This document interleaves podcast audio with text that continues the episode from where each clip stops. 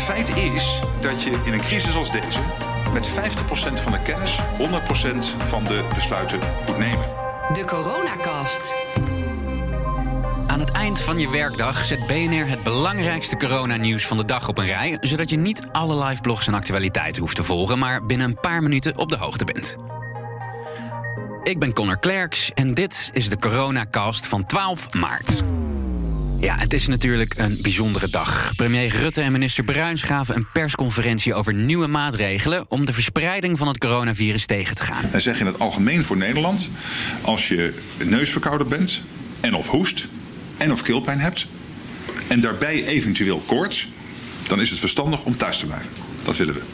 Voor zorgpersoneel geldt dat we zeggen: je moet uh, zowel die verschillende klachten hebben en koorts. Waarom is dat? Omdat anders het zorgpersoneel misschien te snel thuis blijft. En vooral die groep hebben we vreselijk hard nodig om uh, de zaken te bestrijden. De maatregelen gelden de hele maand maart. En in het hele land worden mensen dringend verzocht om zoveel mogelijk thuis te werken.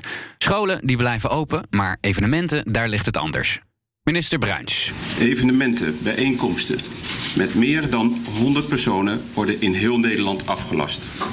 Dat geldt ook publieke locaties zoals musea, concertzalen, theaters, sportclubs en sportwedstrijden. De KNVB heeft aangegeven dat ook alle wedstrijden in het betaald voetbal komen te vervallen. Amerika dan. President Trump kondigde vandaag een inreisverbod voor Europeanen af.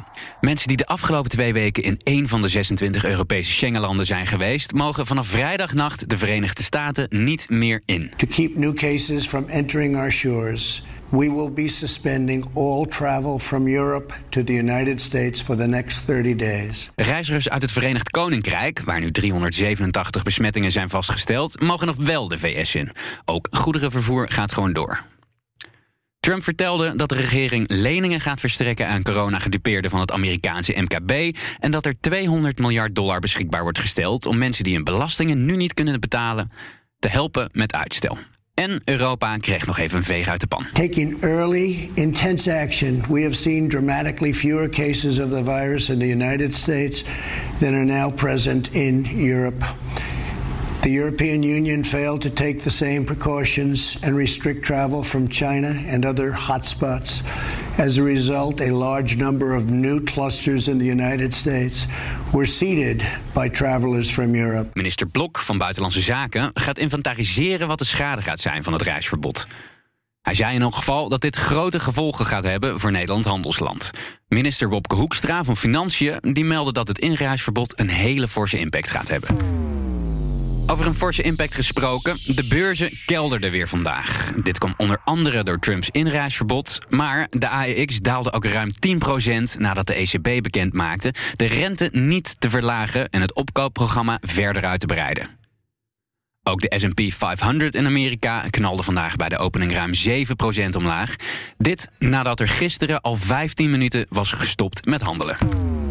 In Italië heeft de regering het land verder op slot gezet nadat het aantal doden gisteren 30% omhoog ging naar meer dan 800 mensen. Premier Conte heeft bijna alle winkels en diensten gesloten. Supermarkten en apotheken bleven wel open. En in Spanje worden alle ministers getest op het coronavirus nadat minister Montero besmet bleek. Ook de koning en koningin van Spanje worden getest. Dan nog even de laatste cijfers. In Nederland zijn er vandaag 111 besmettingen bijgekomen, wat het totaal tot 614 besmette mensen brengt. Het merendeel, 273 mensen, woont in Brabant. Het aantal besmettingen uit het buitenland is afgenomen in verhouding met het totaal. Er zijn er nu nog 239 die direct vanuit het buitenland besmet zijn. Van 123 gevallen is de bron onbekend. Dat zijn er 33 meer dan gisteren. Wereldwijd zijn er nu zo'n 130.000 besmettingen geweest, waarvan er 57.000 nog ziek zijn. Er zijn in totaal ongeveer 74.000 mensen genezen. Op de website van de TU Eindhoven wordt nu dagelijks een aantal modellen geplaatst om voorspellingen te doen over de verspreiding van corona. Een voorbeeld. Volgens deze modellen blijft het aantal infecties en doden in China de komende dagen stabiel. In Iran en Zuid-Korea begint de groei in aantal infecties af te vlakken. Edwin van den Heuvel, hoogleraar statistiek, zei wel dat het doen van exacte voorspellingen moeilijk is. Hun populatiemodellen zouden in elk geval voor 80% betrouwbaar zijn van dag tot dag. Ik ben Connor Klerks en dit was de coronacast van BNR Nieuwsradio voor 12 maart. Onthoud, was je handen goed, nies in je elleboog en geen handjes meer schudden.